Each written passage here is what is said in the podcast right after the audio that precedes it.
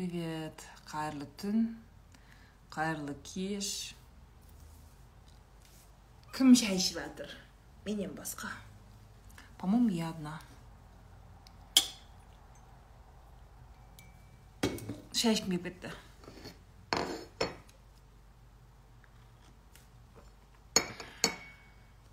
Привет. Как дела? Қайырлы түн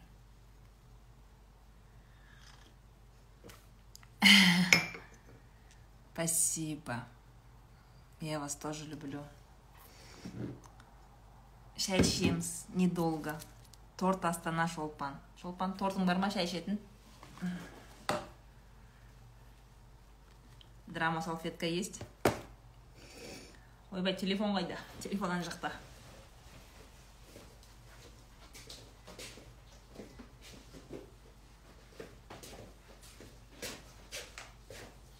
айфон мен ше мынау он үшінші айфонды сатып он төртінші айфон алғым келіп жатыр да. А он төртінші айфонның коробкасында мынандай арт жағы емес бер жағы да бүйтіп тұрмайды да. Ертең сендерге эфирге өстіп шайға шыққан кезде деп көрсете да мына жерде экран тұрады он төртінші соны ойлап тұрмын. Алайын ба алмайын ба артқы крышкасы жоқ. Вот такой вот. Сәлем фисташка алдым дейді о құтты болсын айдана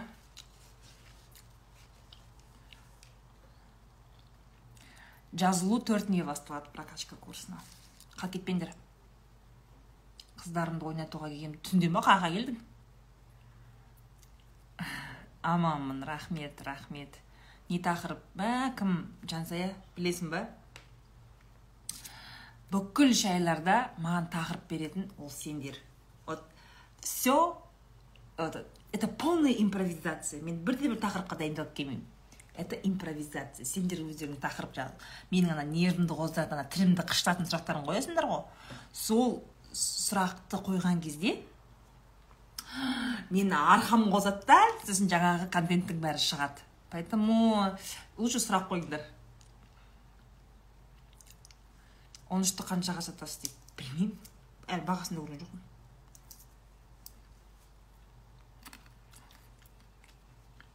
все говорят что надо быть внутренне сильным любить себя. А что делать? Өз қалауын сатып алу это же просто закрыть дырки внутри сырттан дейді. Өз қалауын сатып алу. А ты правильно говоришь қасиет просто ақшаға өзінің ә, заттарыңды сатып алумен сен детский травмаларыңды ішкі дефициттарыңды сен жаба алмайсың. Это как ә, не ғой мысалға бір определенный это как бонусом сияқты да? Но чтобы ішкі тірегіңді вот иә вот внутренне сильный болу үшін надо внутри вот это вот свои сильные стороны вытаскивать. Ол сен айфон сатып алуыңмен салоннан кредитке новый машина алғаныңмен брендовый сумочка алғаныңмен сен мықты болып кетпейсің. Ты правильно говоришь қасиет одан сен мықты болып кетпейсің одан сен внутренне сильный болып кетпейсің. Ол сен сыртқы оболочкаң болады просто. Внутренняя сила оно внутри это внутренняя работа. И на эту работу идти ну не все могут не все могут. Страшно. Вот это вот ішкі проблемалармен жұмыс істеуге көбісі қорқады қашады. Как будто жоқ сияқты как бы түр жасап жүреді да? Но это не так.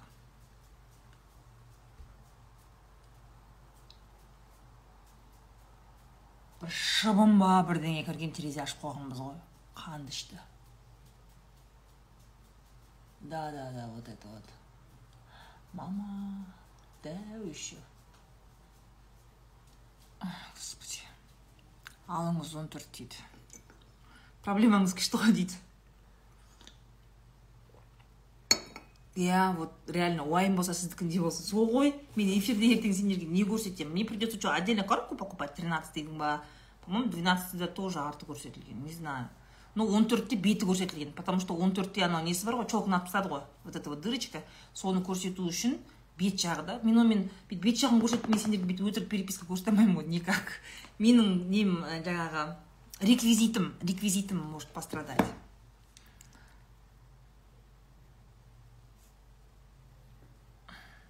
Сіз эфирлеріңіз тек сатылғанын ғана көретін едім дейді о живую интересней.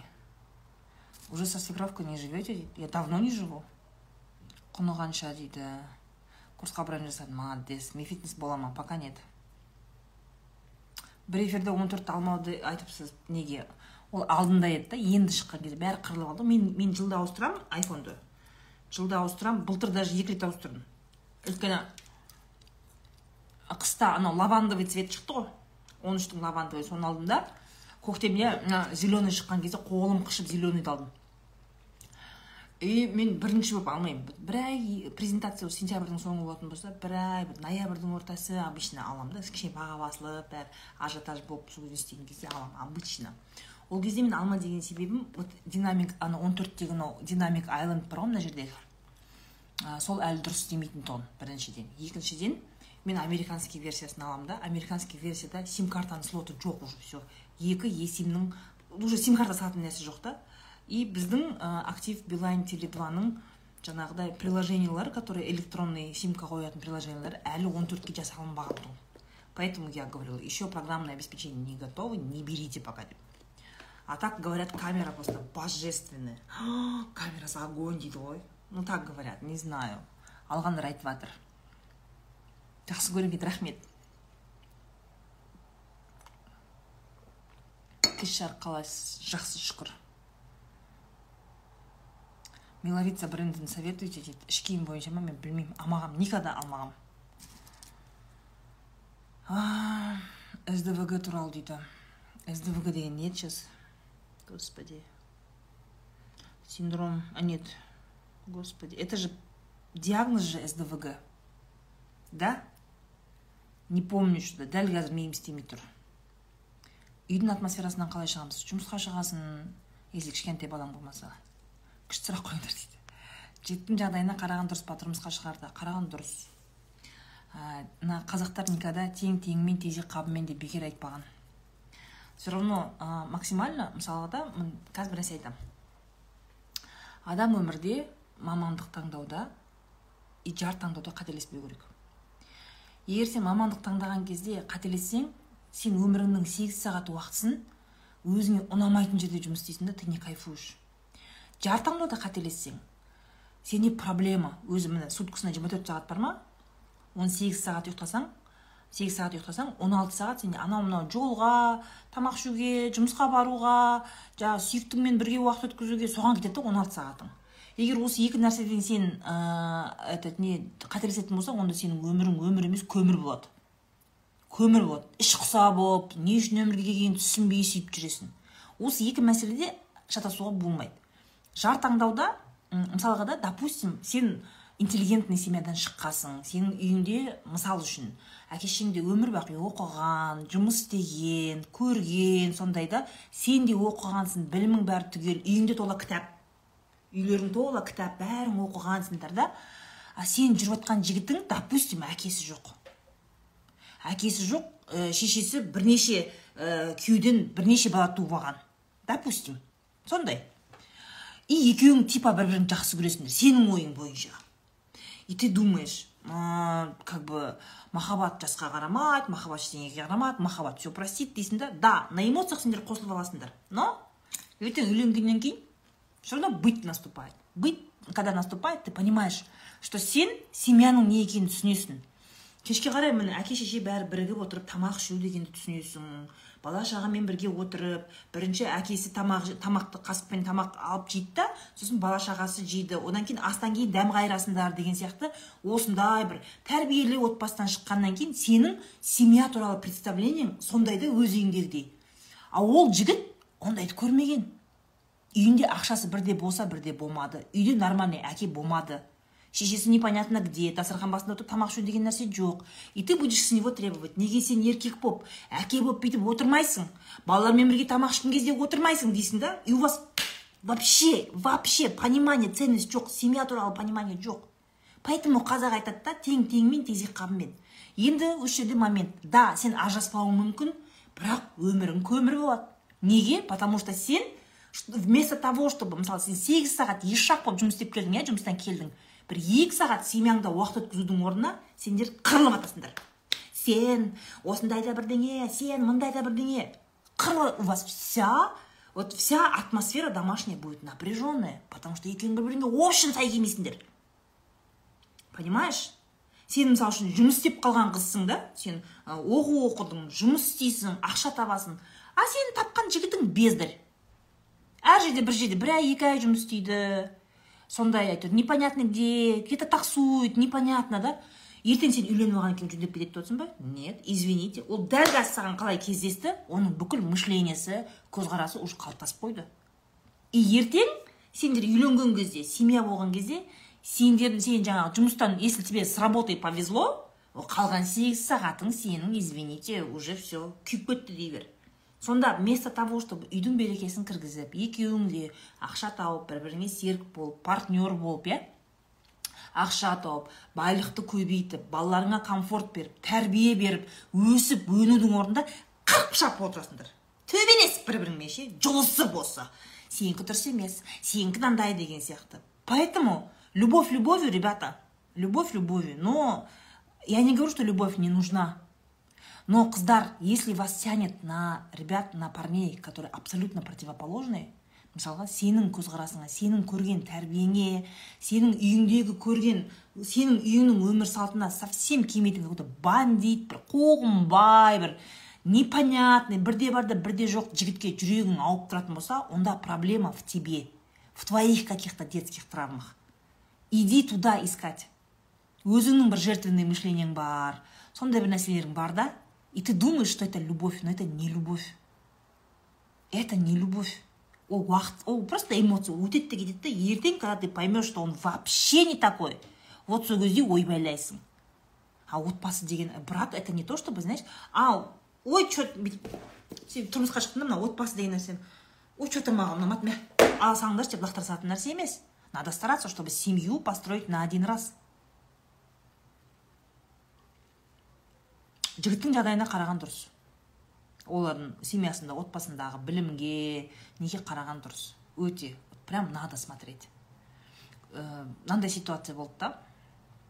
Біздің бір алыс туыстарымыз ә, короче оңтүстік жақта ғой. Сәл андай бір білмеймін енді бізде оңтүстік жақта бір жиырма екі жиырма үшке келсе как будто отырып қалған сияқты. Үйлендіруге тырысады. Лишь бы үйлендіруге тырысады.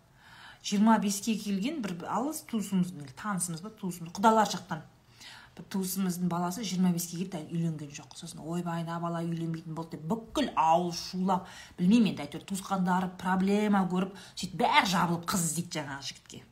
Қыз іздейді да. И бір ә, тоже біз танитын бір кісілердің бір семьяның қызына бермекші. Ол жігіт өзі реально өзі оқыған әке шешесі тоже оқыған жұмыс істейді өмір бақи жұмыс істеген сондай интеллигентный семьяда сөйтті да ойбай қыз жоқ қыз жоқ қыз жоқ дейді да бір қызбен таныстырады бүкіл туысқандары. Потому что извините время якобы этот уақыты келіп қалыпты да жігіттің ше. И таңдаған қыздарына болайын. Таңдаған қыздарына болайын. Таңдаған қыздары кәдімгі андай не как вам сказать? Өте көп қиындық көрген өмірінде.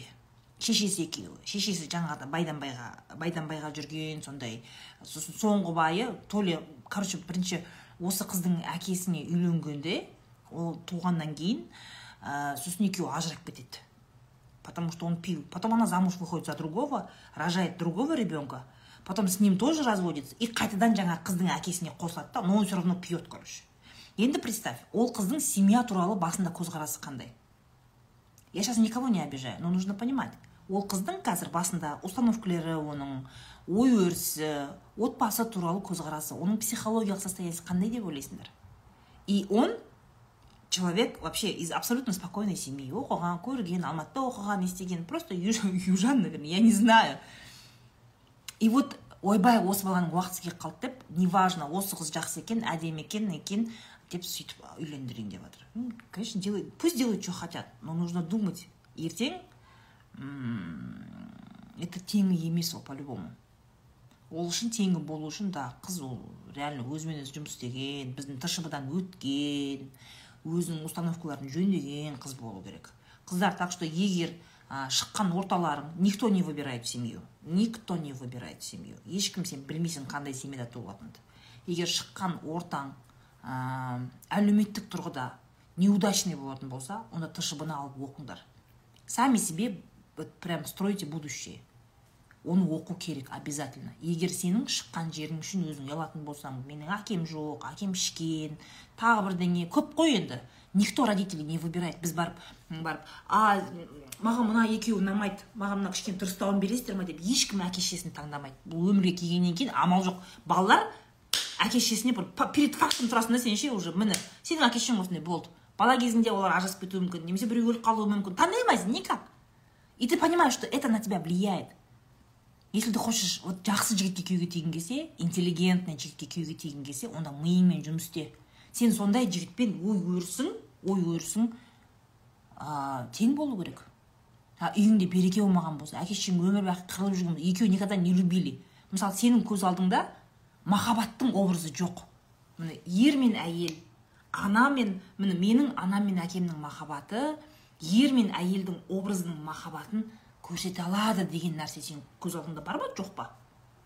Как твои родители ведут себя балаларының көз алдында? Не істейді олар? Бір бірін жекіп отыра ма? Бүйтіп шай берген кезде. Тез тез ішіп тұрып кетіңдерші бар. Басымды ауыртып біттіңдер ғой. Өшір ана телевизорды деп ана немесе жаңағы папаң футбол көріп жатса бақыртып осы бәлені деген сияқты. То есть когда ты видишь что мужчина и женщина дома разговаривают вот так вот жекіп немесе папаң келді ей қатын бересің ба тамақ? Бермейсің ба? Осы өмір қолыңнан ештеңе келмейді деген сияқты. Осындай әңгіме болып жатқан болса онда сенің басыңда қарым қатынас туралы нормальный образ жоқ. Любовь мужчины и женщины деген нәрсе жоқ сенің басыңда. И сен сол без понимания что такое любить. Что такое партнер болу? Махаббат деген не деген сен білмей сен күйге кетесің да сосын ойбайлап отырасың. Ана дорама. Бүкіл білімің сенің кино. Кинодағы жаңағыдай вот эти вот созависимые отношения. Ана біреу келеді біреу кетеді манипуляция жасайды ана сериалдарда ше. Ана өтірік жаңағыдай артынан іздейді тағы бірдеңе анау артынан жүгіреді. Драма. Прям треугольник разыгрывают. Бүкіл білімің махаббат туралы білімің сенің сол әке шешеңнің қарым қатынасы и жаңағы сериалдағы драмалар. Где вот один абьюзер а, другой еще хуже. Сөйтеді да жүреді манипуляция жасап бүкіл махаббат туралы білімің сол да ертең сен үйленгеннен кейін отырасың сөйтіп кино болып а настоящего счастья нету. Понимаешь? Вот так вот. Дайындалу керек тұрмыстық өмірге. Шай қашан басталды? Ну где то вот минут 15-20 назад. Ештеңені соңына жеткізбеймін не істеу керекпін дейді. Знаешь орыс тілде мына жақсы сөз бар да орыс тілде ше слона по кусочкам едят дейді да. Көп адамдардың проблемасы бір істі соңына жеткізе алмайтын адамдардың проблемасы шама шарқына қарамай иә шама шарқына қарамай істі шамасы келмейтін істі алып алады да осыны мен өте аз мерзімде бітіруім керек деп өзіне бүйтіп алдына бүйтіп мақсат қойып алады. Сосын сен шаршайсың. Сен энергетически сен уже сен миың түсініп тұрады мен анаған шамам келмейді деген нәрсе түсініп тұрады да. Поэтому сен жасай алмайсың да орта жолдан тастағың келіп тұрады уже миың қарсыласып тұрады. Проблема бізде сонда. Бізде ми фитнесте соны үйренеміз ғой. Бізде элементарно ми фитнесте мынау өзіңді түсінуге практикаларда мынау нәрсе маған оңай ма қиын ба? Мынау нәрсе маған қатты қиын ба или орташа қиын ба деген сияқты. Осындай контакт с собой. У людей нету контакта с собой. Өзіне ненің оңай ненің қиын екенін түсінбейді адамдар. Просто түсінбейді. Сөйтеді а істеу керек екен дейді да еш ақ болып мына мойныңа сен істей алмайтын істі чересчур қысқа мерзімде бітіруің керек деген сен талапты қойып алған кезде сен уже морально шаршайсың да тастап кетесің. Большинство вот проблема содан. Жігітің сараң болса не істеу керек? Егер қазына қазына мектебі дейді. Жігітің сараң болса жомарт жігіт табу керек. Жігіт ол бай емес қой ажырасып кеткен кезде ойбай ойбай мына екеуі ажырасып кетіпті дейтіндей. Ол сенің мужик емес қой жігіт қой. Таста да жомарт жігіт тап сәлем қалайсыздар сенімділік адамға сену жайлы қалай ойлайсыз? Сенімділік. Адамға сену жайлы қалай ойлаймын? Не ойлаймын? Жақсы ойлаймын. Адамға сену керек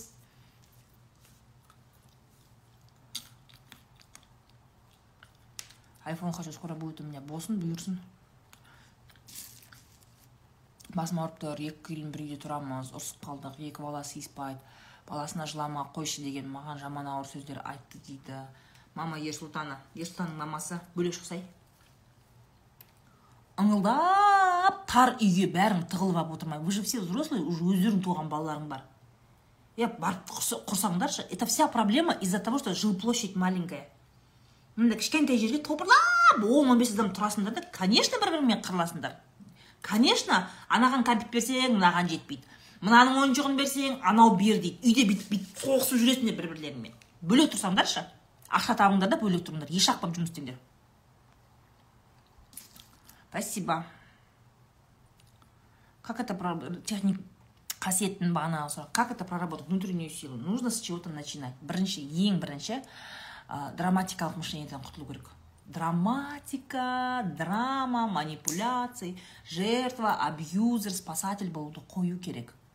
Вот осыны қою керек. Начните с курса жертва болма обязательно соны алыңдар. Это прям must have всем чтобы выйти из треугольника. Жаңағыдай біресе жертва етесің бүйтесің мысалда қарым қатынаста жігітпен қарым қатынаста сен қалай треугольникті разыгрывать етесің? Отырасың да екеуің бірге отырсың да телефон шығып қалады деп сөмкеге бүйтесің да и оған дайректке ә, бір ана жігіттің қыздарға гүл берген сондай сияқты сен видеосын жібересің оған міне сәуленің жігіті гүл әперді сто одна роза деп жертвить етесің оған ше он то есть оған деп андай не істеп жатрсың да по сути ты жертвишь. Вот сен маған сөйтпей жатсың деп сен оны абьюзер қылып қойып жатсың в моменте. Но ол сенің жігітіңнің жігітіңнің көзқарасымен қарасақ он от тебя получает такое сообщение ты делаешь на него давление. Ты делаешь то есть ты абьюзишь его. Вроде бы сен мына жақта отырып жертвишь сәулеге тағы да гүл берді апта сайын гүл береді жігіті дейсің да?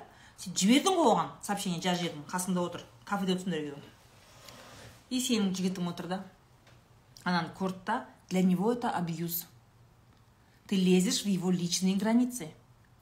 Ты обвиняешь его в том что он какой то не такой. Ты плохой дегенге әкеліп жатрсың сен ше оның миын шұқып жатрсың да? Ты плохой ты недостаточно хороший. Сәуленің жігіті во а ты говно сен сондай сообщение беріп жатрсың оған и оның ішінен мынандай агрессия көтеріледі да. Ты же его абьюзишь. Сен вроде бы жертвишь бірақ в его сторону это абьюз. Сөйтеді ол ашуланады не істейді саған абьюз жасайды. Сен отырсың сөйтіп жібердің да. Барсай онда сол сәуленің жігітін тартып алсай деген саған сообщение жібереді. Саған сөйтеді да. Бар онда сәуленің жігітіне. Барсай онда деп саған айтады. Сен үшін ол абьюз. Өйткені ол саған барса енді анау мынау деді ғой да? Сен үшін ол абьюз. И сенде драма. Сен мені түсінбейсің. Қалай сонда? Сен мені басқа жігітке жабыстырып бірдеңе дейсің да? И у него. То есть ты на него теперь ты на него нападаешь. И вот это вот это вы называете отношениями. Это по вашему отношению. Здравствуйте вот эти ваши манипуляции это не отношения это вообще не отношения сендер осыны страсть махаббат типа переписка деп ойлайсыңдар ғой да это полнейшая манипуляция это полнейшее ваше вот это вот эмоциональное насилие бір біріңе ше біреуің жертва біреуің абьюз біреуің жертва біреуің абьюз сосын екеуің қырылып қалған кезде екі жақтан достарың келеді спасатель болып қосады екеуіңді вот немесе әбден шаршасаңдар бір біріңнің өмірлерінен жоғалып кетесіңдер Поэтому в первую очередь нужно это драматическое мышление қою керек. Надо перестать играть в этот треугольник Карпмана. Это жертва болма курсында. Шай тәтті болсын дейді рахмет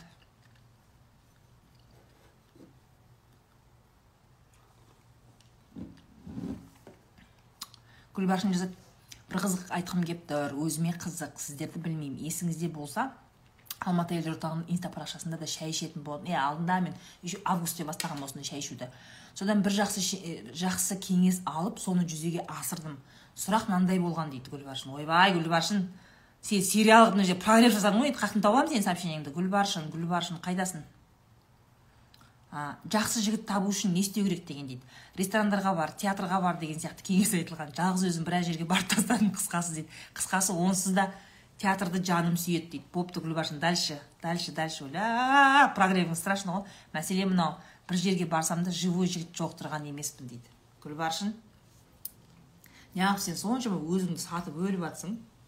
Не болды жігітсіз өмір жоқ па?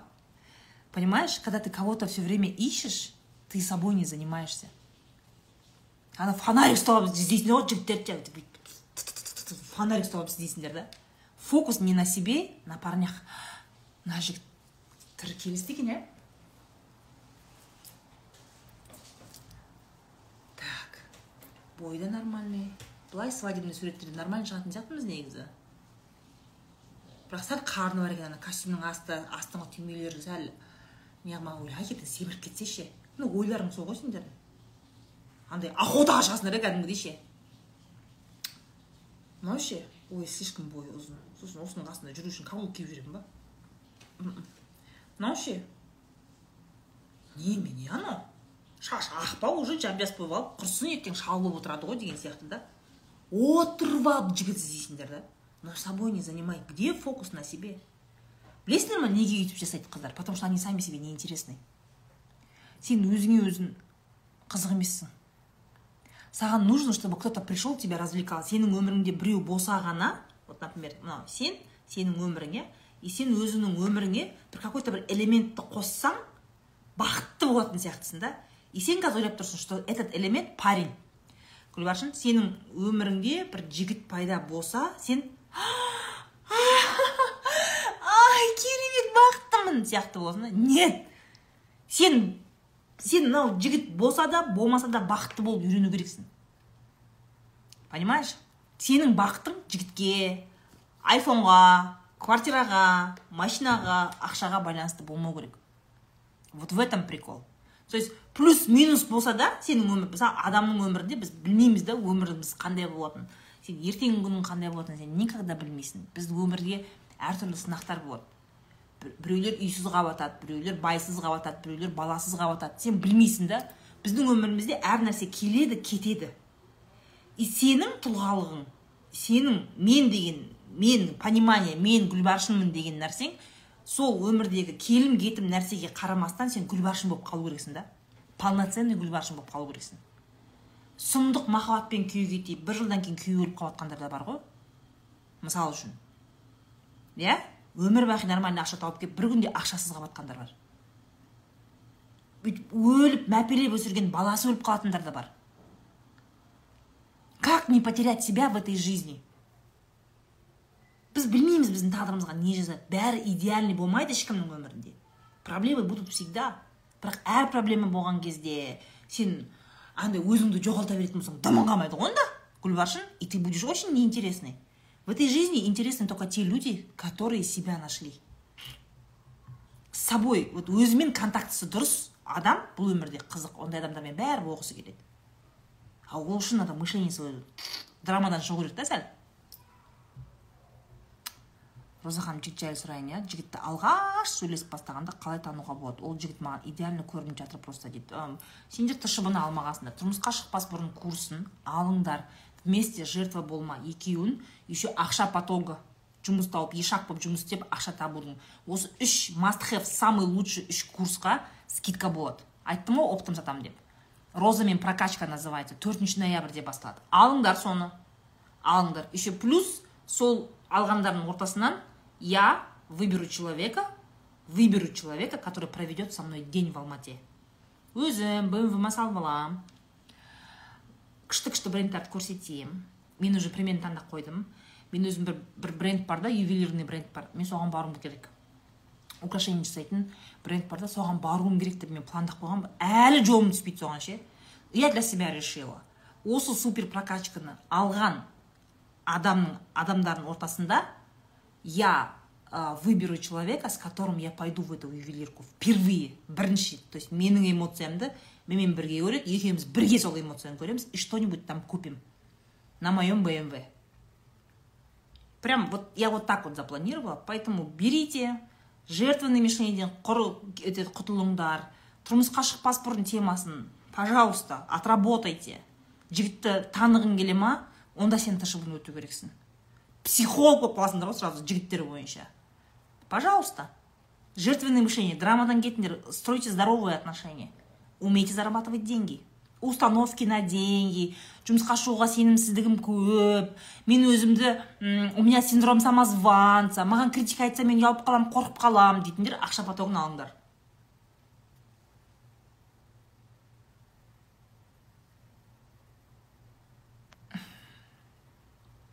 о астын қырып тастапсыңдар ғой оны қалай аламыз дейді.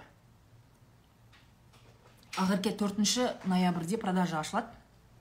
Можно купить сразу можно купить в рассрочку.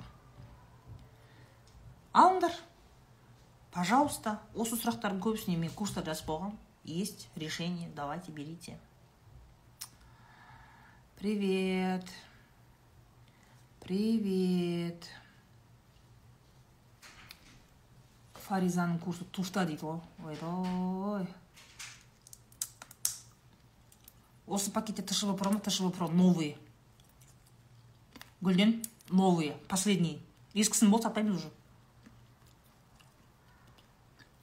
басқа қаладан бола бере ма басқа қаладан бола береді айтолқан главное қазақстаннан болсам болды өзім сенің қалаңда самолет болса самолетпен самолет болмаса пойызбен алдырып аламын пофигу қасымда отырып алып әңгімеңді айтасың ба жылайсың ба проблемаңды айтасың ба целый день будем общаться в моей машине.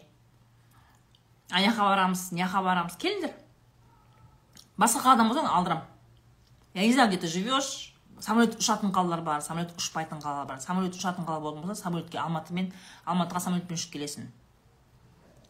А если самолет ұшпайтын болса пойызбен келесің. Пойызбен болса индрайвермен келесің. Әйтеуір табылар.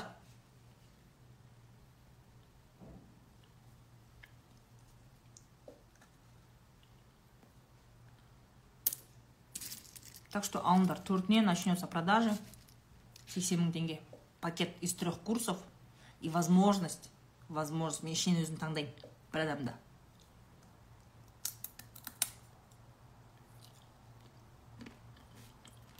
сол өзім барам деп жүрген магазинге сенімен бірге барам возможно сенімен бірге барам алматыдан болсаң конечно мен қуанатын едім потому что быстренько поехали а если алматыда болмаса ну будем строить график. Саған жұмыстан шығу керек шығар сұрану керек шығар байыңнан сұрану керек шығар. Я не знаю. Будем решать проблемы әйтеуір күнді таңдап алматыға келесіңдер. И и прокатимся. Менің сүйікті кафелерімде отырамыз. Ә, тамақ жеп распаковка еды жасап отырамыз. Шайнаңдап тамақ жеп.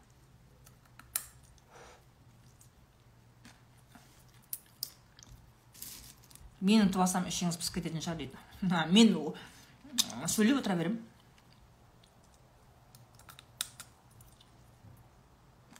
не үшін әйелдер күйеулерін түсіну керек не үшін олар әйелдерді түсінбейді деп сұраңызшы дейді қасымда отырған сіңілім кім айтты оны кім жәмила сен сіңіліңе кім айтты әйелдер еркектерді түсіну керек та.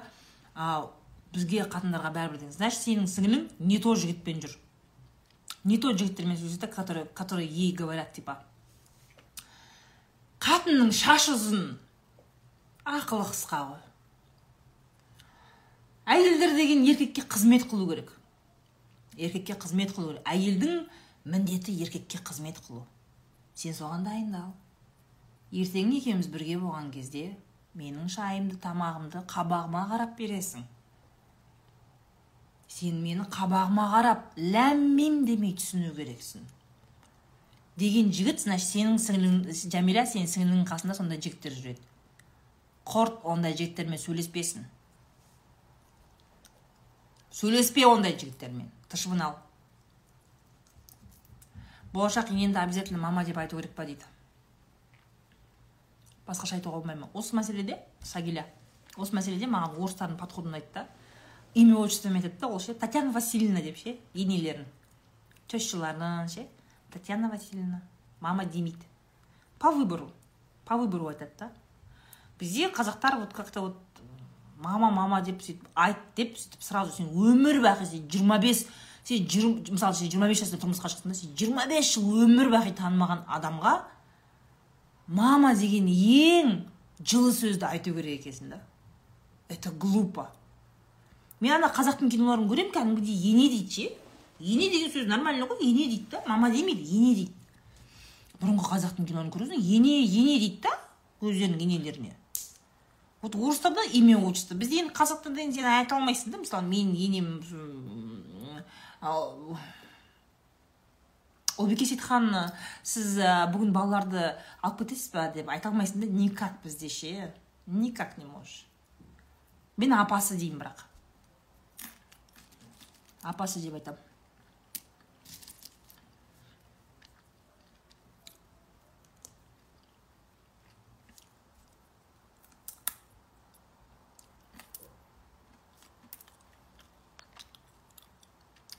маған да ұнамайды дейді ойбай бай ғой ол дейді бай болса онда поздно десе біреудің мамасына мама демейді апа десін иә апа деуге болады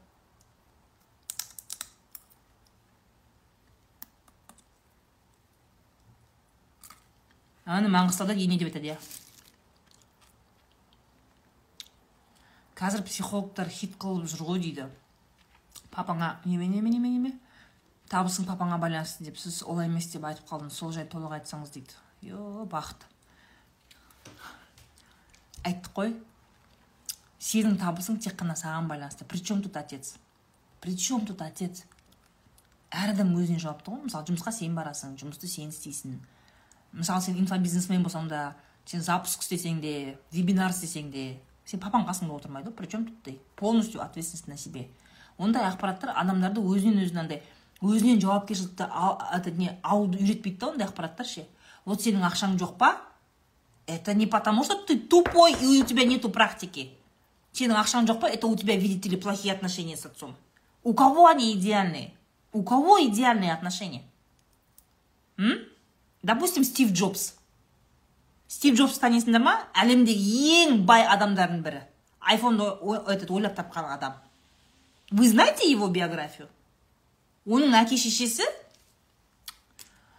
Шешесі американка болған әкесі сириец мұсылман болған. Сөйтеді екеуі университетте американский университетте екеуі бір бірін табысады да. Сөйтіп анау этот не но они оба религиозные. Анау шешесі католичка әкесі мұсылман ол да религиозный екі жақтың да әке шешесі не позволяют им? И екеуі де байлар. Стив джобстың әкесі де бай сирийский нефтяной магнаттар. И шешесі де бай тоже какой то бизнесмен әкесі бай. Сөйтеді да екеуі универде оқып жүріп екеуі қосады да ана қыз екі қабат болып қалады. Стив джобстың шешесі естественно беременеет ею ол әкесінен қорқады. Өйткені католики тоже еще те біздің мұсылмандардан өткен олардікі де сөйтеді де бұл қабат болып қалады аборт жасауға қорқады. Сөйтіп бір врачты табады да ол врач бұған тууға көмектеседі. Стив джобстың шешесіне тууға көмектеседі да и баласын алады да усыновлениеге беріп жібереді на усыновление беріп жібереді я вам сейчас рассказываю биографию стива джобса. Сөйтіп оны обычный механиктер обычный простой семья асырап стив джобсты. Хотя оның биологический әке шешесі байлар екеуі де. Но оған никогда жасырмаған. Да мы тебя усыновили ты нам не родной деп айтады оған. Айтады. И его прямо махаббатпен тәрбиелейді. Ничего такого. Өйткені олар ә, балаға мұқтаж болады да өзінің асырап алған әке шешесі махаббатпен заботамен өсіреді. Хотя они не богатые и не образованные высшее образование жоқ әкесі асырап алған әке шешесінде ал өзінің туған әке шешесінде высшее образование да бар ақша да бар мансап та бар бәрі бар. Короче время проходит где то жиырма жиырма беске келген кезде детектив жалдап детектив жалдап стив джобс өзінің әке шешесін табады.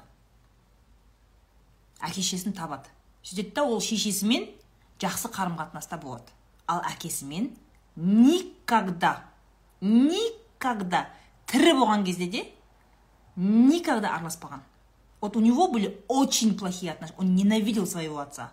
За то что кезінде шешесін тастап кетті екі қабат қылып ә, алмады қорғамады сол үшін он его ненавидел. И неғып онда стив джобс кедей емес? Вопрос вопрос залу. Скажите мне почему стив джобс не бедный? Маған айтыңдаршы осыны. А? Неге стив джобс сонда кедей емес сіңірі шыққан тақыр кедей алқаш болу керек қой онда ол? Әкесімен қарым қатынасы дұрыс болмайтын болса.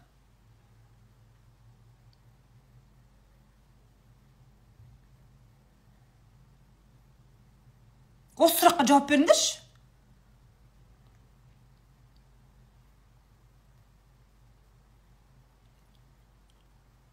значит өтірік я об этом и говорю.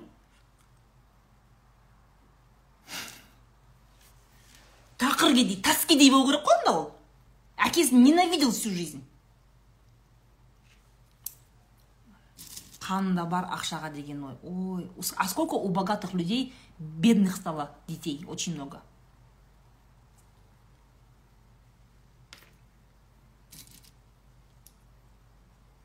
білімі күшті болған между прочим он учился в школе очень плохо он был очень беспокойным ребенком мұғалімдер его терпеть не могли и он әке шешесіне пришлось поменять ему школу потому что он не хотел сидеть на уроках беспокойный мазасыз бала болған неусидчивый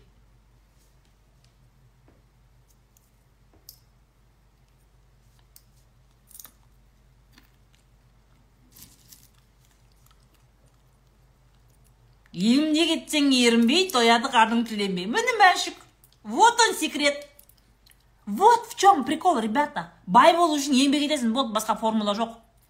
Отырсыңдар ғой қазір мен әкеммен обидамды проработаю потом разбогатею.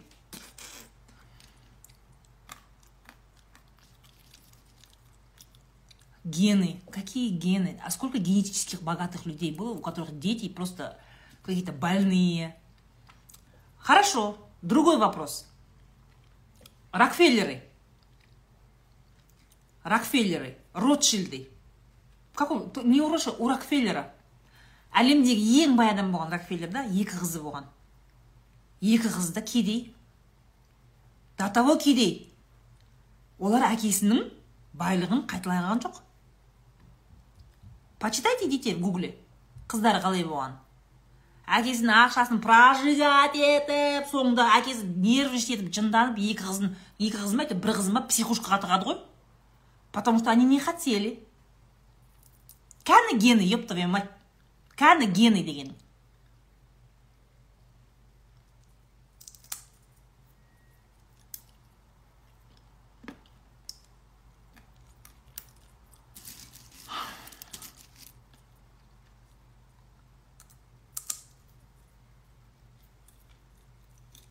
Екі жүз елу мыңға тек курсы. Блин.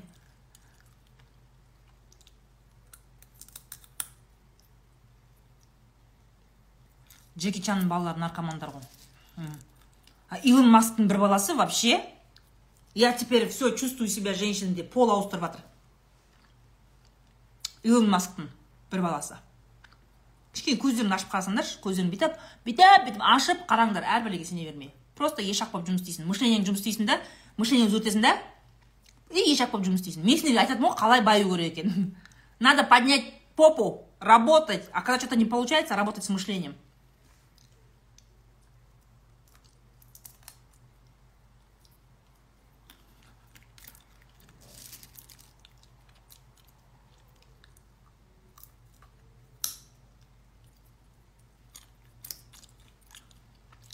Норм, если парень три раза позвал, но ты не вышла, была занята. Потом сказал остановиться и желание қалмады дейді.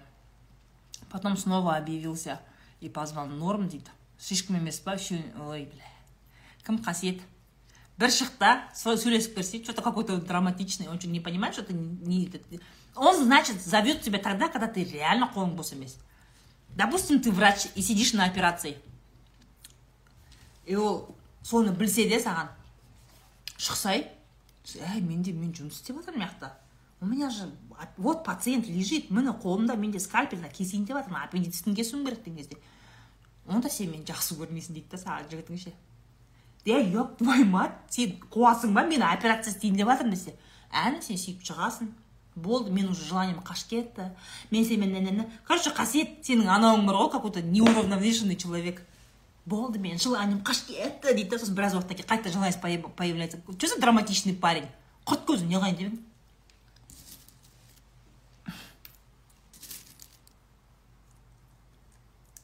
әр адамға базовый терапия қажет пе? Қажет.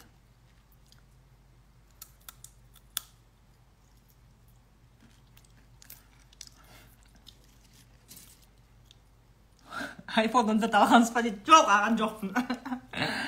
нумерологияға сенесіз ба жоқ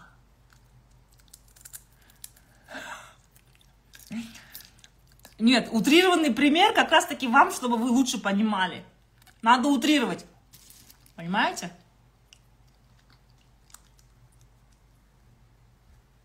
детская травма деген бола ма болады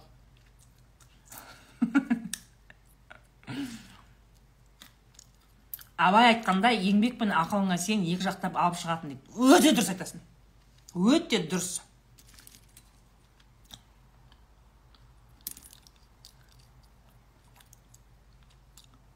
Роза ханым могу спросить? Жазсай енді жазсай я тут не все комментарии вижу. Роза ханым жігітті жақынырақ тани алмай жатырмын. Че то спокойный тайный дейді ұлжан.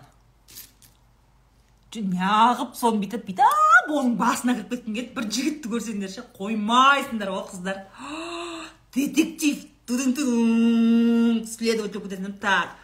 Полностью инстаграмға ашатын так бірінші бірінші посты қай жақта? Мамасымен суреттер көп екен значит мамасына жақын. Мамсик па? Или қалай? Че то я смотрю папасымен суреттер жоқ. Әкесі жоқ па? Это проблема. Әкесі жоқ болса мамсик болатын болса не знаю ну хотя кім біледі кім біледі қазір көрейінші кімге подписан кімге подписан. Деп қарап шығады так мынау өңкей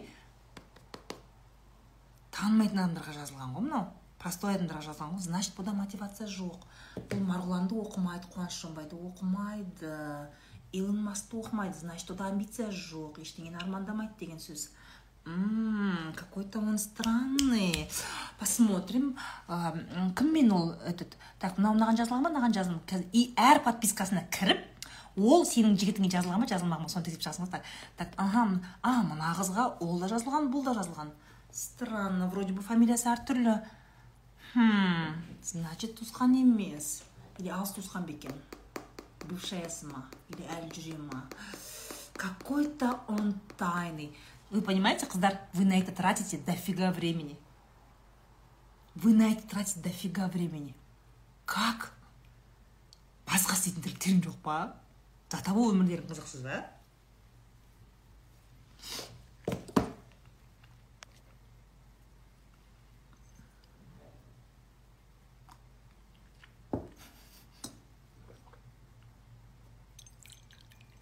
Берекелі ақша деген не знаю берекелі ақша деген наверное адал жолмен табылған ақша шығар.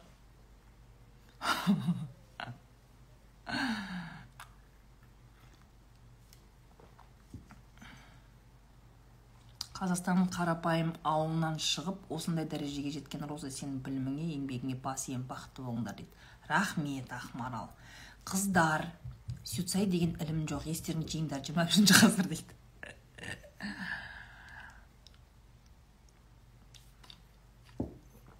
Қыздар өздерің танып жаман болып отырсыңдар ма слишком много времени теряете на то чтобы ол қандай ана жігіттің миына кіріп кете жаздайсыңдар ғой он даже вообще ол вообще бір жерде жүр ұйықтап жатыр ма бір ше.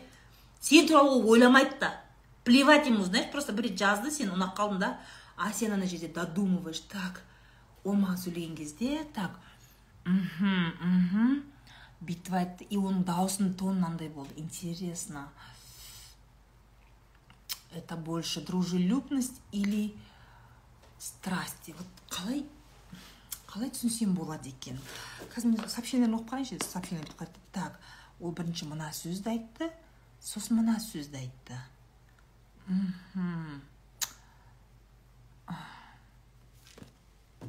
Қалай талдасам болады?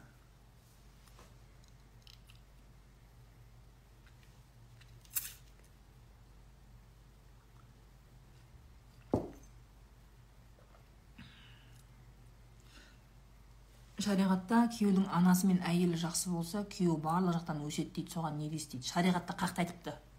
Қай жерде именно? Кім? Құрт тараз медина. Құрт тараз медина. Шариғатта деген не? Конкретно айтшы. Құранның ба определенный аяты ма? Хадис па? Сахих хадис па ол? Сахих емес па? Точно біліп айтшы. Реинкарнацияға көзқарасыңыз кім қайтып келіпті ана жақтан кім? Гүлназ. Ана жақтан біреу қайтып келді ма? Кімді көрдің? Қайтып келіп е мен көріп келдім ана жақта мынандай екен деп айтқан адам бар ма? Қумаңдаршы.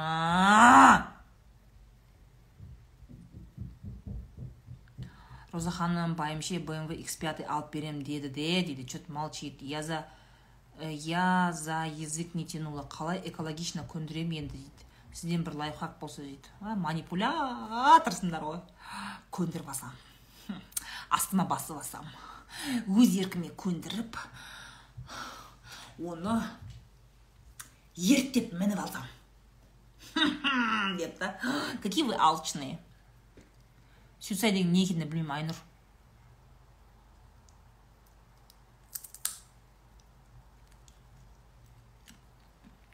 Маған тіркелмеңдер дейді ғой.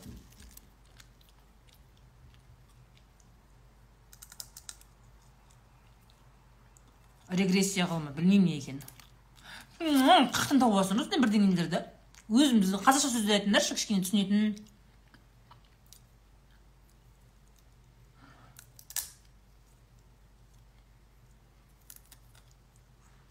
Өзіңе қызық болу туралы толық айтасыз ба? Өзіңе қызық болу это заняться своим внутренним миром. Маған не ұнайды? Қалай маған қалай өзіммен өзім уақыт өткізсем қызығырақ. Менің предпочтением менің вкусым қандай? Менің мнением қандай? Понимаете? Это когда у тебя в голове порядок и на вопрос кто ты Гульвашин ты можешь отвечать четко.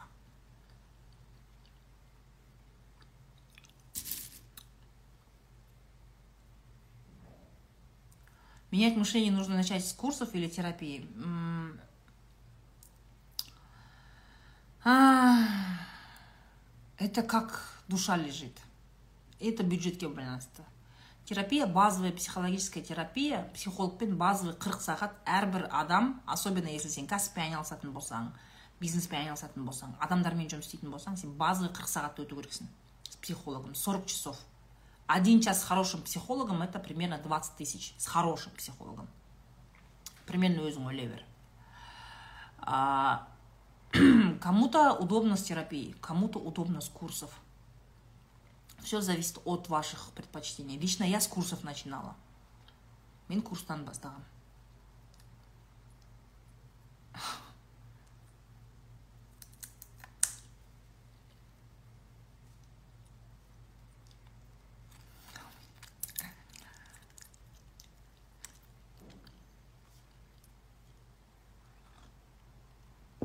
реинкарнация деген не? Қалай ерте тұруға болады? Мой любимый вопрос жазып алыңдар қалай ерте тұруға болады? Лайфхак на миллион теңге. Менен басқа ешкім оны сендерге айтпайды. Ну ка дайынсыңдар ма? Ручкаларыңды дәптерлеріңді или заметкаларыңды ашып дайындап отырыңдар. Немесе запись экрана қосып алыңдар. Начинаем. Қалай ерте тұруға болады деген сұраққа на миллион теңге лайфхак айтамын. Это стопроцентно работающий. Любой адамда ол жұмыс істейді. Пишем. Күнде қиналмай ерте тұру үшін жоқ дегенде сағат 11-де сен ұйықтап жату керексің. Он онда сен төсекке жатасың да он бірде сен уже ұйқыға кетіп қалу керексің. Сол кезде қалаған уақытында тұрасың. бесте де тұра бересің. алтыда да будильник шырылдаған кезде хах деп көзің ашылып сразу тұрасың. Саған бұндай лайфхакты ешкім айтпайды менен басқа. Только мен айта аламын саған оны. Миллион теңге тұрады. Ерте тұру үшін ерте жатасың. Онда прям төсекке жатасың телефонды өшіресің сөйтесің көзіңді жұмып расслабиться етіп дайындаласың. Можно дыхательные практики сделать. Ну так чтобы сен он бірде глубокий сонда жату керексің. Денсаулыққа да пайдалы. Ну жазып ал осыны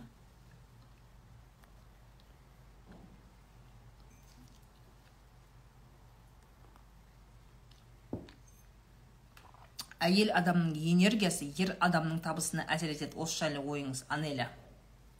Не знаю. Давайте вернемся к тому же стив джобсу который был женат несколько раз. Бірінші қатынымен хиппи қатынымен қосады да бір қыз туады да оны тастап кетеді. Екеуі жараспайды там все они гуляли пили хиппилар білесің ғой қуынбай ғой одан кейін тағы біреуіне үйленеді да онымен че то не то. Екіншісі тағы біреумен өтіп че то не то өзі бас аяқ төрт қатын ба алған стив джобс. Че то мен көрмедім оның энергиясы ол қатындардың энергиясынан ол кедей тас кедей болып қалған көрген жоқпын то же самое илон маскта да бір төрт па бес па қатын бар. Біреуі туамын дейді біреуі тумаймын дейді бір баласы анандай илон масктың сен кедей ма? Тас кедей ма? Оның ақшасы жоқ болып қала ма? Қалай ойлайсыңдар қыздар? М? Энергиясы. Әйел адамның энергиясы. Жұмыс істеңдерші просто ше. Ана мына бір бәле сюцай шеген нумерология қыртым шыртым демей ше. Мышлениемен жұмыс істеп просто ишак болып жұмыс істеңдерші пожалуйста. Байисыңдар сол кезде. Просто болды ответ простой. Қиындатпаңдаршы еш нәрсені. Любой нәрсенің шешімі ол оңай. Бұл өмір негізі. Құдай бізге өмірді оңайлатып берген ғой. Өздерің қиындатып жүресіңдер ғой. Радология бір бәле реинкарнация екі үш рет туылу бір бәле тек тану. Қуасыңдар ғой кәдімгідей ше. Лишь бы лишь бы қазір өзіңнің мышленияңмен жұмыс істеп жұмыс этот не кәдімгідей нормальный еңбектенудің еңбектенудің орнына қуып жүресіңдер қуалап бар ғой. Тебе нужно просто просто точка адан точка бға былай тіке жету керек та жоқ сен бүйтіп айналып жүресіңдер. Біреудің энергиясы біреудің шегесі біреудің сүт сайы біреудің бірдеңесі қумаңдаршы пожалуйста. Қумаңдаршы. Просто работать надо.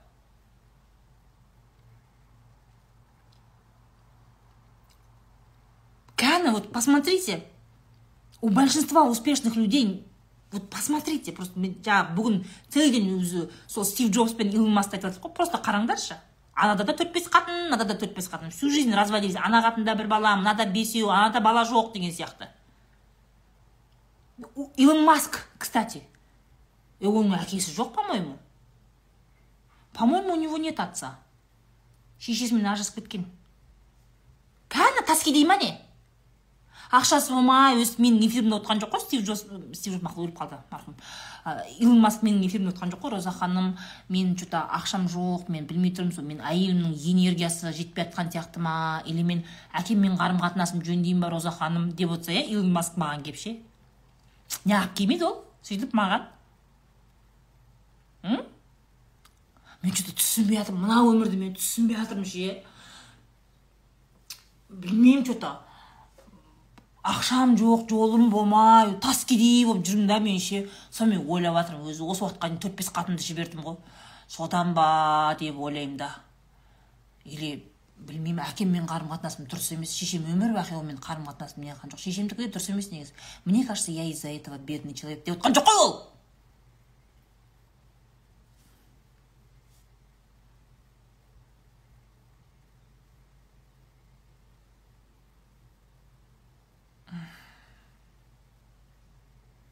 Иә илонды және екі бауырын шешесі өзі жеткізген әні твою мать! Сылтауларыңның бәрі нөл болды ғой осы жерде.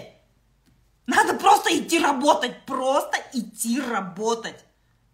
А не придумывать всякое вот это вот.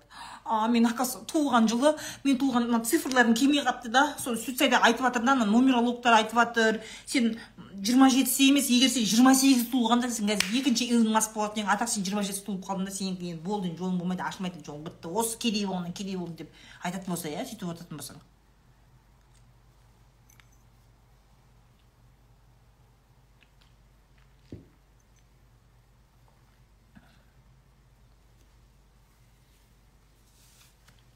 Жүресіңдер не жертвите. Это тоже детская позиция. Это вот жертвенная позиция. Вот мен жұмыс істеп байығым келеді но по моему что то менің ата бабаларым что то там накосячили сол үшін мен тек тануға баруым керек. Сол үшін мен бара алмаймын это такое вот безответственность. Тебе просто нужно идти работать бірақ сен андай мың миллион сылтау табасың да. Ой че то мен ақша тапқым келеді да. Но әйелімнің энергиясы маған жетпейді деген әңгіме. Это абсолютно детская позиция. Чтобы сен тұрып ақша табуың үшін саған ештеңе керек емес. Саған тек қана сен керексің. Білім керек и сен керексің. Болды көтеңді көтерсің барып жұмысқа барасың все работай над своим перестаньте драматизировать. Оның бәрі драма. Мен қазір сюцайға барсам ол жерде мен точно біліп алсам бәрін. Сосын барып байимын деген тема жоқ. Либо сен қазір байисың жұмыс істеп либо жүресің сол. Перестаньте надо выходить из жертвенного мышления. Не надо жертвить.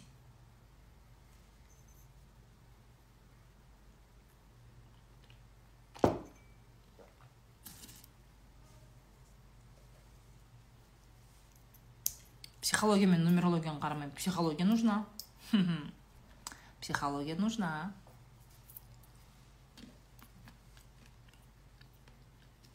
Это же твои мысли. Это же твое мышление. Есть люди которые реально пашут. Бар да ондай адамдар өзінің жұмысының эксперті қолынан келеді. Бірақ қызметін қымбатқа сата алмайды. Масштабқа шыға алмайды. Табысын көбейте алмайды. Бірақ ешақ болып жұмыс істейді. Ешақ болып жұмыс істейді. Ондайлар да бар. Здесь нужно именно поработать над своим мышлением психологией мышления осы жерде жұмыс істету керек а есть люди которые наоборот андайлар бар да қазір түсіндіріп айтайын андайлар бар да отырады да азаннан кешке шейін ұйықтамайды. Допустим магазині бар бірнеше бутигі бар да. Азаннан кешке шейін ұйықтамайды еш шақ болып не істедіңдер ана товарды ілдіңдер ма дұрыстап ілсейші енді қазір мен обедте барамын дейді да. Екінші магазин дейді да не қылдыңдар іліп қойдыңдар ма аха енді ана есіктің алдында енді ана есіктің алдындағы гүлдерді отырғызсаңдаршы ана бутиктің алдына әдемілеп қойсаңдаршы қазір мен барамын дейді сосын үшінші магазин звондайды не қылдыңдар қалай қалай уже тағы ұрлап кетті ма и вот так вот ты сутками крутишься крутишься крутишься крутишься азаннан кешке шейін жұмыстан қолың босамайды вот это один тип один тип да и второй тип мынандай курс шығыпты оказывается осы курсты алсам мен успешный болады екенмін. Нумерология болсам онда мен успешный болады екенмін. Тағы курс алады тағы курс алады. Азаннан кешке шейін курс алады бірақ оқымайды инстаграмды қарап ананың ақылын тыңдайды мынаның ақылын. Бірақ әрекетке бармайды только курс оқиды мотивация іздейді. Постоянно мотивация іздейді да бірақ үйде отырады. Үйде үйде отырады. Мынау байғұс мынау жүгіріп шауып жүреді. Өзі білмейді. Ана екі үш точкалардың ортасынан жүгіріп жүреді жүгіріп жүреді. Айдың соңында бұл отчеттарын шығарса вроде бы үш магазині бар. Иә он бес миллион обороты бар. Көрген пайдасы алты жүз мың. Твою мать аренда айлық расходы ана товар ұрлаған тағы бірдеңе. Сөйтіп барып полный дебет кредит шығарса 15 миллион оборотпен апам бір ай ұйықтамай 600 мың тапқан ғой. Твою маму сонда сон 600 мың үшін бұл күндіз түні ұйықтамайды. Ана бүкіл продавецтермен қырылып но адамдармен сөйлескен кезде менің үш бутигім бар дейді. Тауып жатқан ақшасы жоқ ана жерде. Бір нәрсеге керек болып қалса оборотный ақшаны шығарып жатыр сосын қайтадан сол оборотный орнын толтырып ондай бизнесмен де жетеді бізде. Жетеді. Еще алты жүз мың пайдаға шықса ол молодец қайта қуанады ол. Минуспен отыратындар бар ғой. Өйткені анаған тау, ә, тойға барады ана жаққа барады мына жаққа барады сөйтіп оборотный ақша шығарады да начинает еще заниматься спасательством. Это вот эти вот бизнесмены которые спасатель бизнесмендер бар ғой они спасают своих продавцов спасают своих клиентов. Иә клиенттер спасать өйткені ой бағыс оның ақшасы жоқ қой дейді да. Алады да товардың үстіне наценка қоймайды сөйтеді да өзінің сотрудниктерін продавецтерін спасать етеді оларға. Ой байғұс соның бала шағасы күйеуі жоқ қой ана алты баласы бар мейлі айлығын көптей берейінші дейді да. Хотя продавец мынау клиенттерге сата алмайды да. Ана хозяинның мойнына отырып алған. Өйткені не? Сенің хозяиның сенің спасатель. Жүгіріп ешақ болып бәрін спасает клиентов спасает работников своих спасает, арендаторов своих спасает, мужа спасает. Мужа спасает. Оборот, ешақ болып істеген оборотынан ақшаны алады да барады да күйеуіне машина береді. Күйеуі далбайып жүрген. Диванда жатады көмектеспейді да қатынына. Қатыны қатты бүйтіп ұрысып шыққанда кезде бір екі күн келіп может машинасымен тасып жұмысқа тасып қалуы мүмкін. Сол кезде ол өз өзін алдап қояды негізі күйеуім жақсы ғой деп. отыз күннің бір күнінде әйтеуір диваннан тұрып осыны жұмысқа апарғаны үшін негізі күйеуім жақсы ғой дейді қалған жиырма тоғыз күнде о қырылады да жүреді. Спасает своего мужа спасает своих работников спасает своих клиентов бағасын көтермейді тауарының. Она всех спасает. Сөйтеді да маркетингке ақша салмайды дамуына ақша салмайды өзінің психологиясына ақша салмайды өмір бақи спасать етіп жүреді бір күні қалай сынып қалғанын білмейді. Это вот этот тип. Это вот спасатели которые сидят спасатели бизнесмены которые бизнес делают только чтобы бегать. Әйтеуір бос отырмау керек әйтеуір көтенің жер иіскемеу керек қой. Жүре береді. Вот вот таких бизнесменов вот сколько міне. Өздерің танып жатқан шығарсыңдар. Мыналар отырады. Жертвалар. Мен бизнес бастауым үшін анау өткенде кім айтты ғой? Роза ханым айтты ғой бизнес бастауға кредит алма деп айтты. Значит мен кредит алмаймын. Онда мен онда мен ақшасыз табатын әм, ақша салмай бастайтын бизнес бастауым керек. Не істесем болады онда қызмет түрі болатын болса онда мен бір смм ба копирайтер ма бірдеңе оқуым керек. Ол жерде мен ақша салмаймын ғой. Ну максимум айфон аламын неге? Кредитке.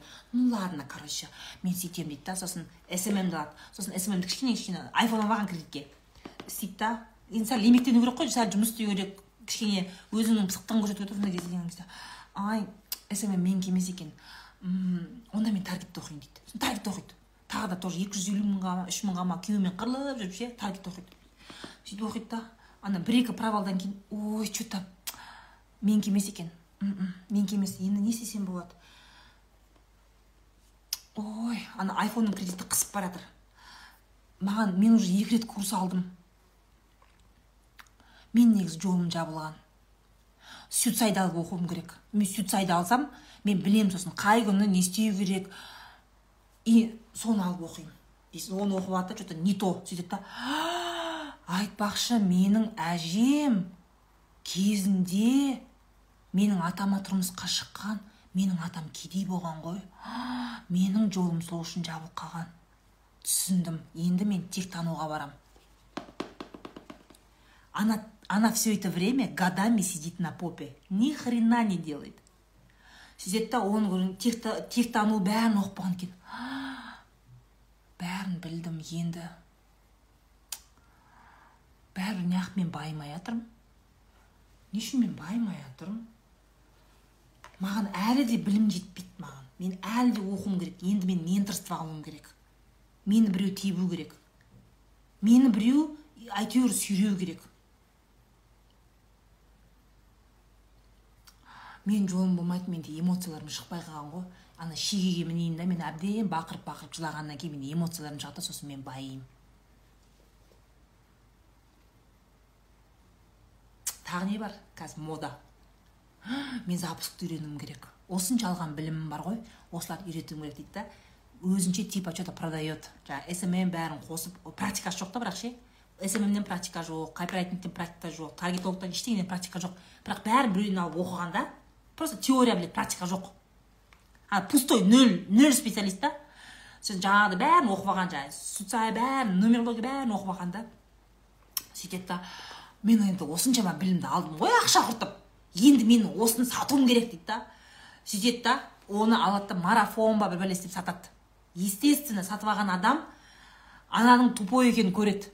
На самом деле практикасы жоқ екенін көреді да. Жеп қояды ғой. Жеп қояды. Сосын бұл қорқып қалады да. Ай мен жолым болмай жатыр енді мен нумерология оқысам бәрі нормально болады. Она вот так по кругу ходит ходит сосын күйеуі бір күні айтады бұған ше. Е сен істейсің ба бір бәле? істемейсің ба? мен ақшамның бәрін сорып біттің ғой деген кезде она уходит чувство вины и чтобы өзін пустое место сезінбеу үшін не істейді? Угадайте не істейді? Бала туады. Бала туу керек. Сонда егер ол бала туса оған ешкім әй сен жұмыс істемей босқа отқан жоқсың ба? деп айтпайды да қалай мен міне мен ба- бала емізіп жатырмын ғой неғып маған тиісе бересің сандуғаш аузын жап деген неғып маған тиісе бересің міне мен бала қарап жатырмын ғой деп ше бір ол жаңағы кредиттегі айфонда. Былай екі көзі интернетте азында кешке шейін ни хрена не делает только детей рожает болды. Жылда жылда рожает детей. Это вот второй тип. Міне осы бізде қатындар міне өстіп екіге бөлініп алған. Мынау конченый спасатель мынау конченый жертва.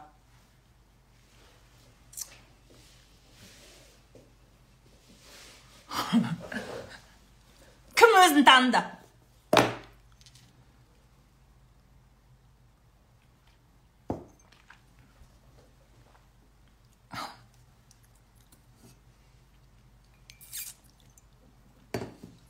Женский энергиям жоқ. Э, жандарым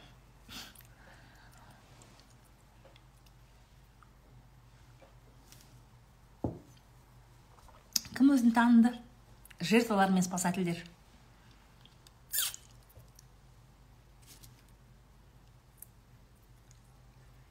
Шегеге тұрдық неше түрлі сабақтар алдым. Тудың ба мәншүк тудың ба еще арасында?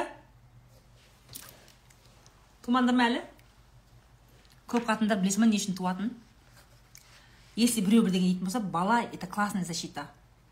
Кәні сен дым істеп жатқан жоқсың дым бітіріп жатқан жоқсың. Қалай дым бітіріп жатқан жоқпын. Міне бала туып жатыр қой өзім туып көрейін деген сияқты. Вот для этого выражаете.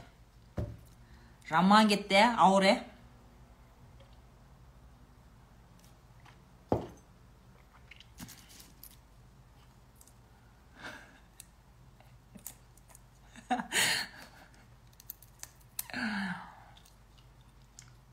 үшінші тип жоқ екі тип.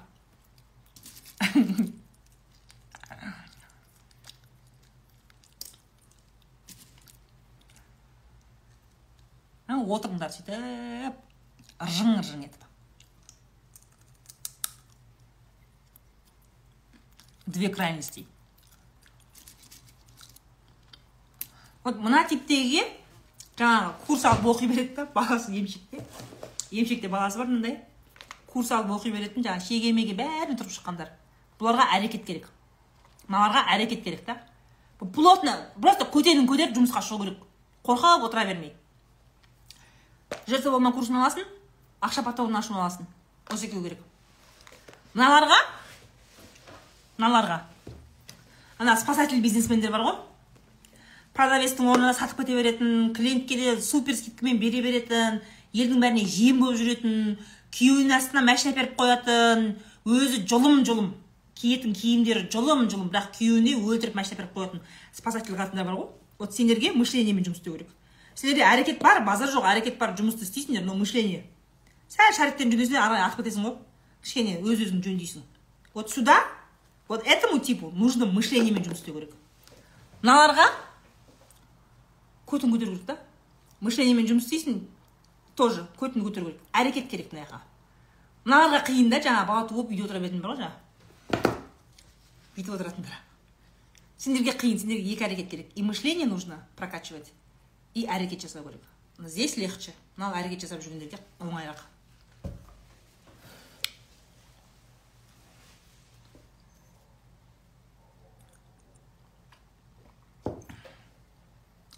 жертвада емеспін спасательда емеспін жұмысым дым дамымай жатыр аниса ателье. Тогда нужно думать про маркетинг. Про какие-то смелые вещи. Ателье болса скорее всего а, все равно нужно мышление.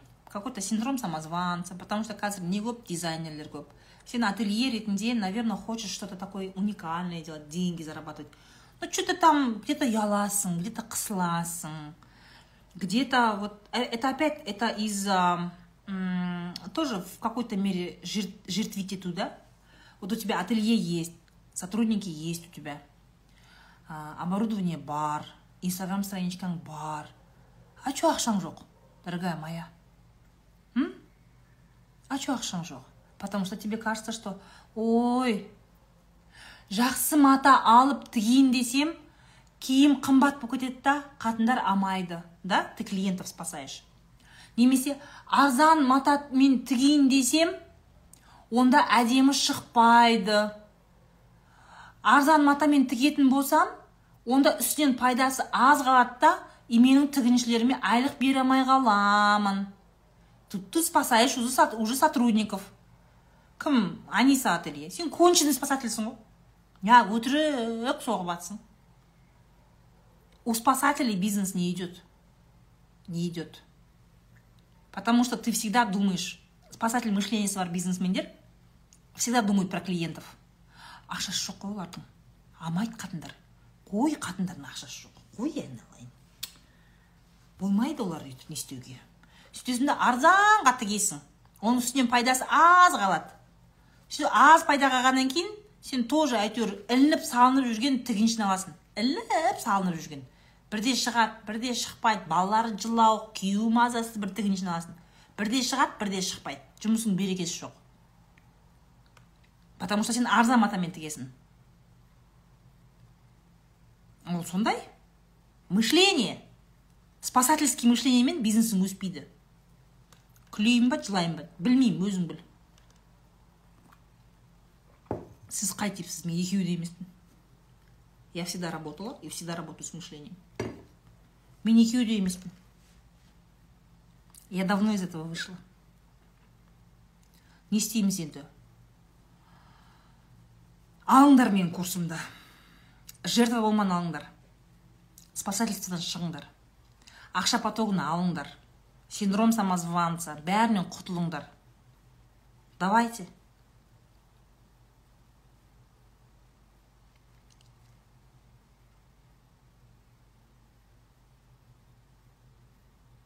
Мышление по-любому керек. Екі типқа да керек мышление. сол баламен жұмысқа шыға алмай отырмын үйде отырып ақша табамын деп сол бәрі оқып жүрміз баламен жұмысқа шыға алмай балам деп понимаешь ты рожаешь ребенка чтобы не работать понимаешь ты не работаешь чтобы рожать ребенка вот такой вот цикл баланы не үшін туады қатындар жұмыс істемеу үшін боится действие боится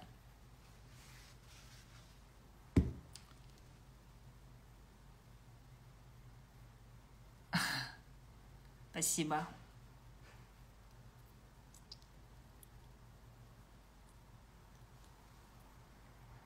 Күйеуім жиырма төртте жеті ойын квартира менің мойнымда не істесем болады? Құртсайшы кім медина?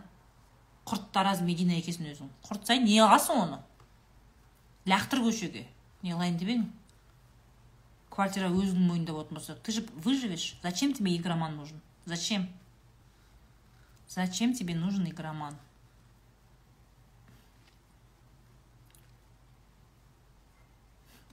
Сүт ақпайтын ежедневка сияқты. Все ұйықтаймыз. Все давайте. Всем пока. Не ғой? Комментарий жазып кетіңдер. Комментарий жазсаңдар мен шайға кішкене көбірек шығамын да. Сендер комментарий жазбайсыңдар ғой сендер ше. Өзінше болып көріп аласыңдар пайдалы ақпарат аласыңдар. Арамтамақский движняктарың бар да сендердің бар ғой. Движениелерің сондай да. Әйтеуір лишь бы алып қалсам ну беріс жоқ та. Тегін ғой комментарий лайк деген тегін. Сәл саусағыңды қимылдатсаң ты сделаешь мне приятно. У меня появятся охваты. У меня будут новые подписчики. Сәл кішкене елдер мені тыңдайды менің клиенттерім пайда болады. Нет нет нет нет нет нет. Көріп аласың пайданы алып аласың. Бірақ жазбайсың комментарий. Ол сондай да өмірде алыс беріс болу керек. Минутым болды екі минутым сендермен шай ішіп ақша төлеп жатқан жоқсың. Қаншама ақпарат айтып сендерге алдың ба алдың ба енді төлеп кет что ты можешь для меня сейчас сделать это написать хороший комментарий написать порекомендовать достарыңды шақырып жіберіп эфирді рекомендовать етіп сделай хорошее дело. Саған құдай құдайдан қайтар алладан қайтсын комментарий жазатындар. Постоянно жазатындар бар. Я вас люблю. Все. А, до завтра. До следующих эфиров. Всем пока.